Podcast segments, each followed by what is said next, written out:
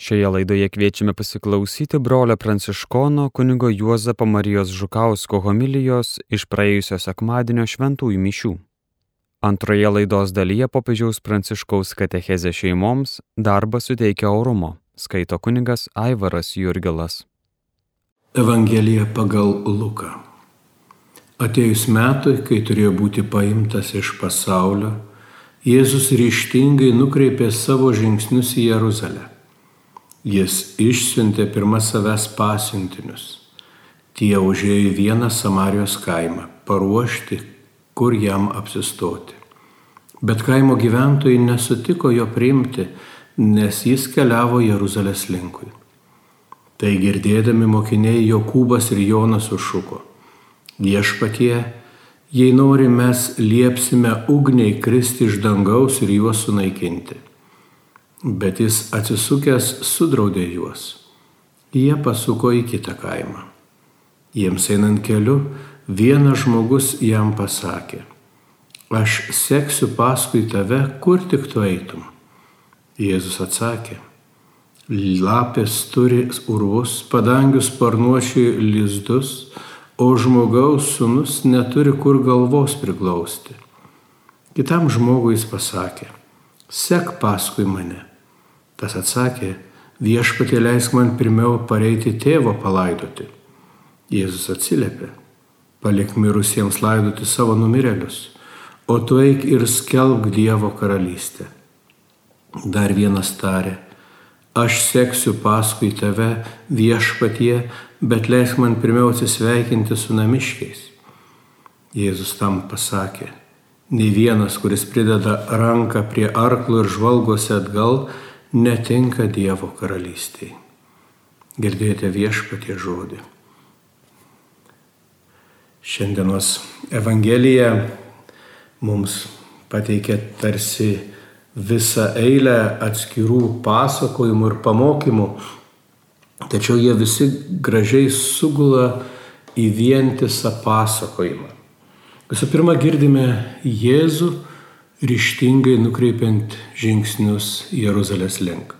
Mes vėl esame nukeliami tarsi į gavėnios pradžią, vėl esame kviečiami keliauti link Jeruzalės, link Kalvarijos, link Kristaus kančios ir prisikelimo. Ir tai iš ties nesibaigianti tikinčiojo kelionė.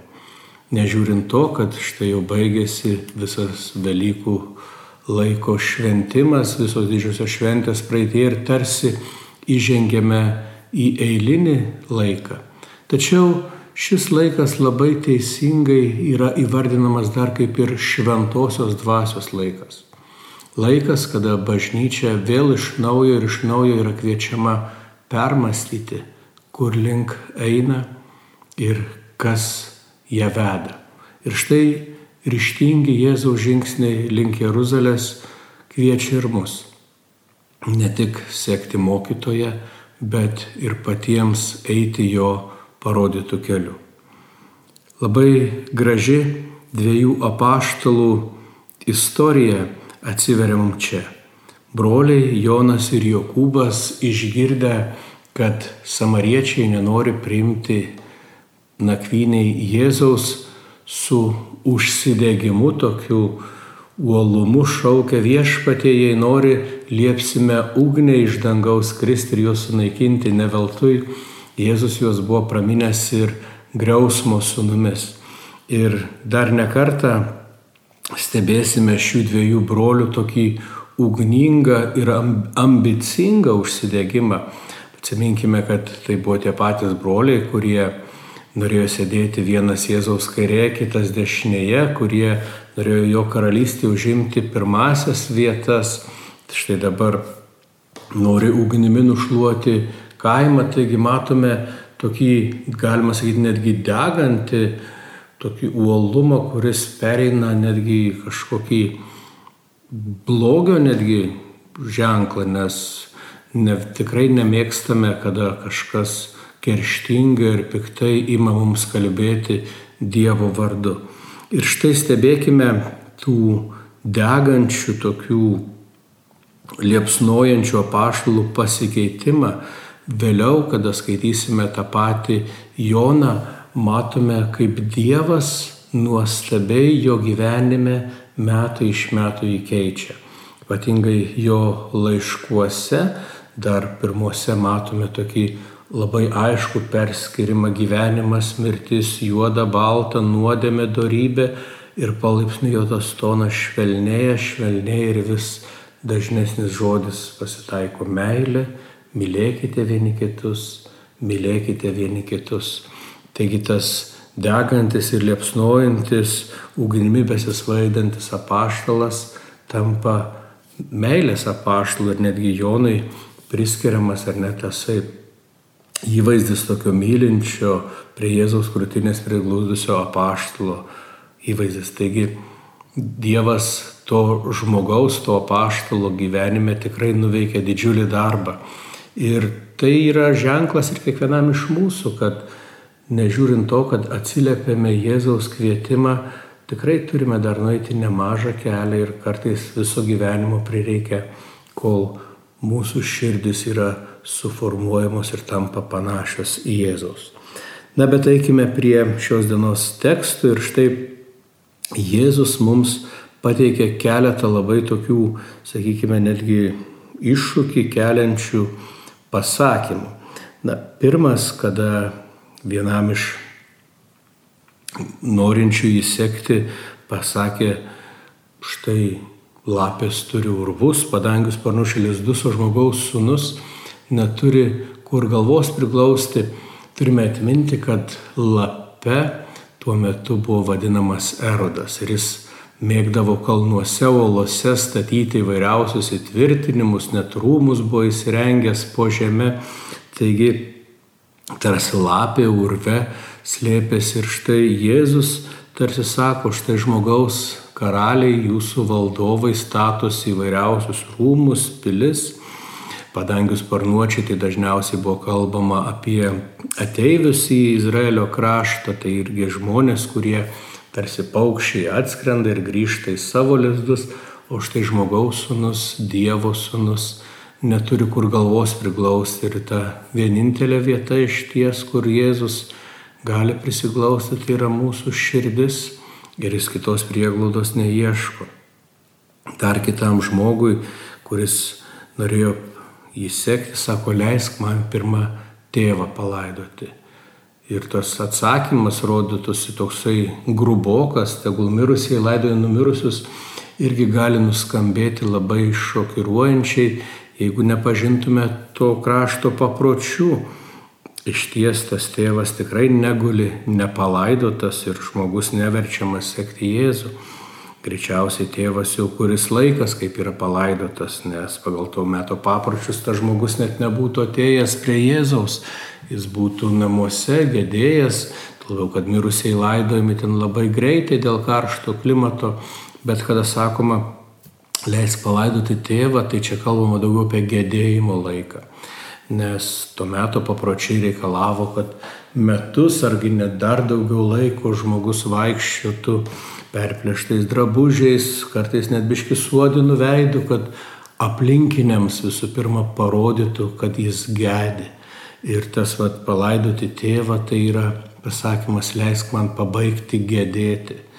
Ir Jėzus tarsi jam sako, žinai, tegul tie, kurie netikėm žinuoju gyvenimu, tie, kurie patys yra mirę gedė dėl mirusio, tu būk prisikelimo, tu būk gerosios žinios nešėjas. Taigi čia nėra skatinimas tėvų negerbti, bet sakymas pakelk akis į dangų. Atėjo geroji žinia kad Dievo visi būsim prikelti ir nors ir liūdina mus išsiskirimas su artimaisiais, mus turi vesti į priekį ir tikėjimas bei pasitikėjimas, kad vieną dieną viešpatės namuose visi būsim surinkti ir vėl švesim gyvenimą be ribų. Kada žmogus paprašo štai vėliau, sako, noriu atsisveikinti su namiškiais, tai irgi tas pas, ne, nėra, kad pasakyti su Dievu išeinu, bet tarsi sakymas leisk man pirmą sutvarkyti reikalus, padalinti turtą, sužiūrėti, kad visas ūkis gerai veiktų ir tada jau užsieksiu paskui tave. Ir čia tampa aiškus tas Jėzus atsakymas, sako, palik tiems, kas nori rūpinti žemiškais dalykais, rūpinti žemiškais, o jeigu tu nori sekti mane, nesižvalgyk atgal, nes aš pats pasirūpinsiu tavo duoną, tavo rūbų Ir čia kalbam apie tą atskirą pašaukimą tapti apaštalu, kada žmogus visą savo gyvenimą sudeda į viešpaties ranką su pasitikėjimu, kad viešpats ne tik leis jam darbuotis, bet ir pasirūpins tuo, ko reikia jo pragyvenimui. Ir tai yra ypatingas pašaukimas, kuris galioja ir šiandien, kurie nusprendžia pašvesti savo gyvenimą tiek kunigystėje, tiek vienuolystėje kad per daug nesirūpintų nei kuo vilkės, nei ką valgys, nes viešpaties dosnumas dar nei vieno nenuvylė.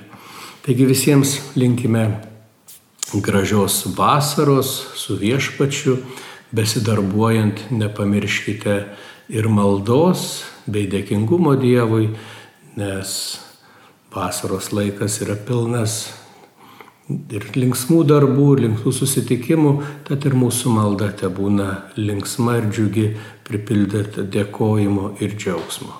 Geros visiems vasaros.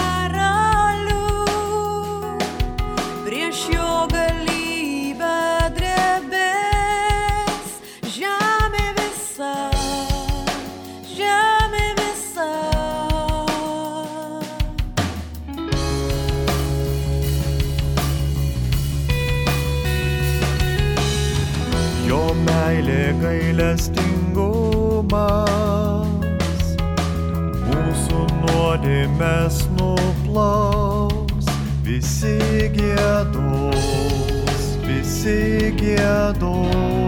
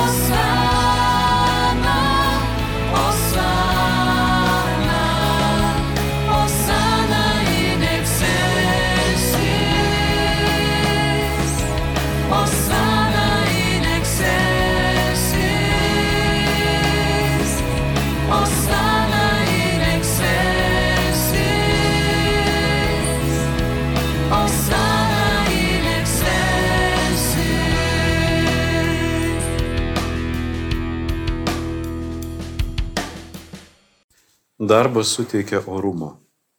Apmastę šventimo vertę šeimos gyvenime šiandien pasvarstykime apie kitą, tai papildantį elementą - darbą.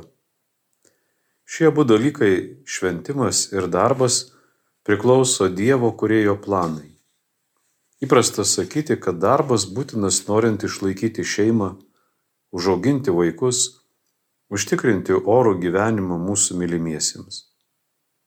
Kalbant apie rimtą, dorą žmogų, gražiausias dalykas, kuriuo jį galima apibūdinti, yra pasakymas - tai tikras darbininkas. Jis iš tikrųjų dirba, bendruomenėje gyvena iš kitų. Šiandien čia matau daug argentiniečių, todėl pasakysiu, kaip sakoma pas mus - nuvyvedė aribą - negyvena kitų sąskaita. Iš tikrųjų darbu daugeliu jo formų, pradedant nuo darbo namie siekiame bendrojo gėrio, kur išmokstama darbingo gyvenimo stiliaus.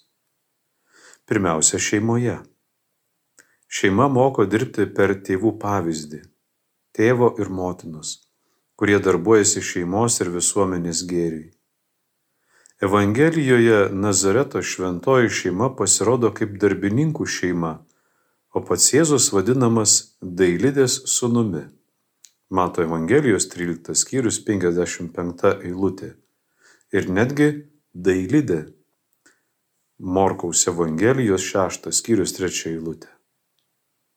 Šventasis Paulius ragina krikščionis. Kas nenori dirbti, te nevalgo. Antrasis laiškas tesalonikiečiams 3 skyrius 10 eilutė. Tai geras receptas tiems, kurie nori numesti svorį. Kas nedirba, tegu nevalgo. Apaštalas čia nurodo kai kurių žmonių puoselėjimą netikrą dvasingumą. Jie iš tikrųjų gyvena iš savo brolių ir seserų ir nieko neveikia. Įsipareigojimas dirbti ir dvasinis gyvenimas pagal krikščioniškai supratimą neprieštarauja vienas kitam. Svarbu teisingai tai suprasti. Malda ir darbas gali ir privalo būti darnoje, kaip moko šventasis Benediktas. Darbo stoka kenkia dvasiai, panašiai kaip maldos trūkumas kenkia praktiniai veiklai. Darbas, kartoju, kai jis vykdomas daugeliu formų, yra būdingas žmogui.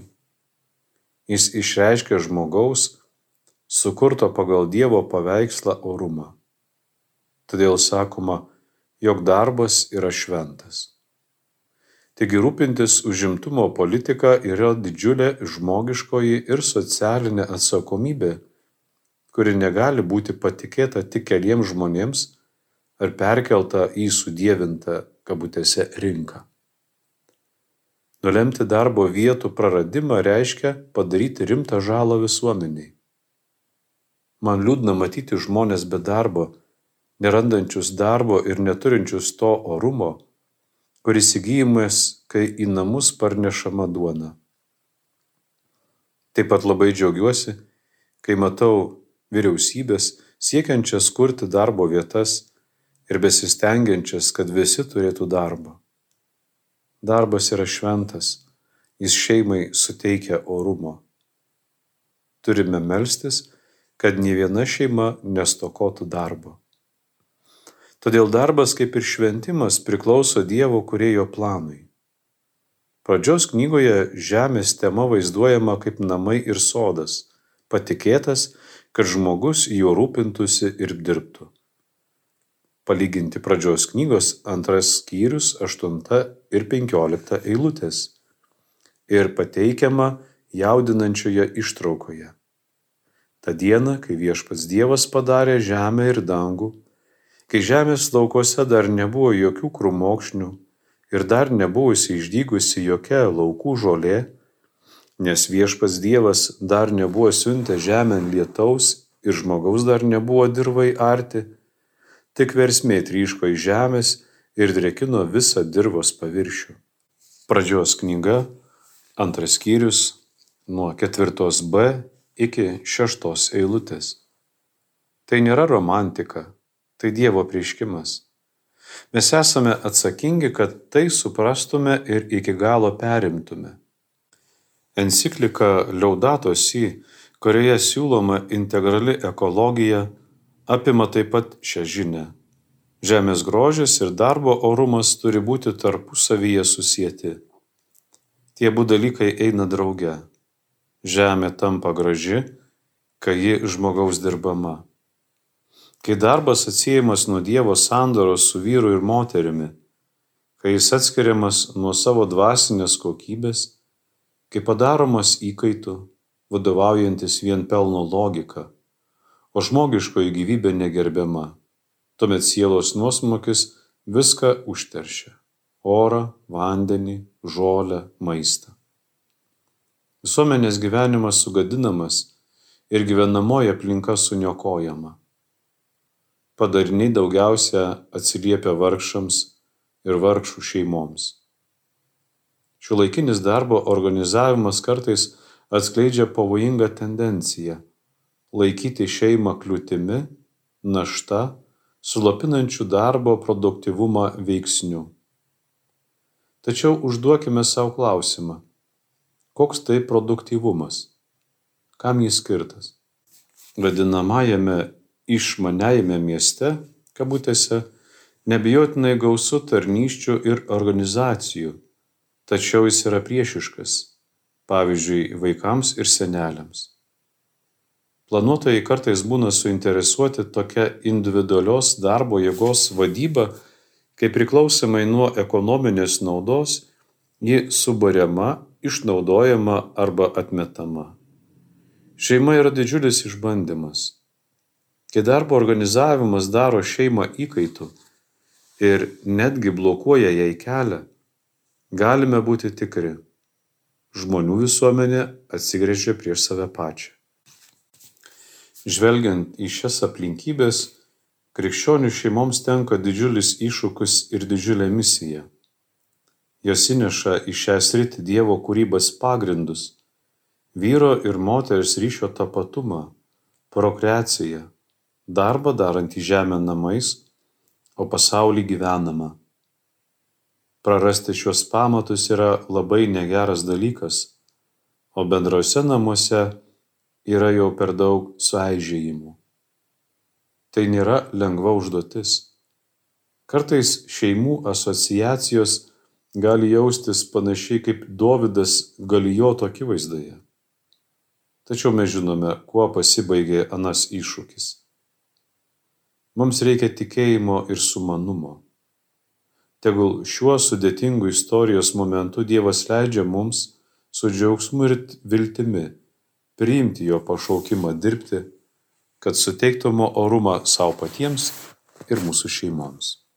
Ką tik klausėmės popiežiaus pranciškaus katechezės šeimoms darbą suteikia orumo, skaitė kunigas Aivaras Jurgilas. Pirmoje laidos dalyje klausėmės brolio pranciškono kunigo Juozapo Marijos Žukausko homilijos iš praėjusio sekmadienio šventųjų mišių. Likite su Marijos radiju.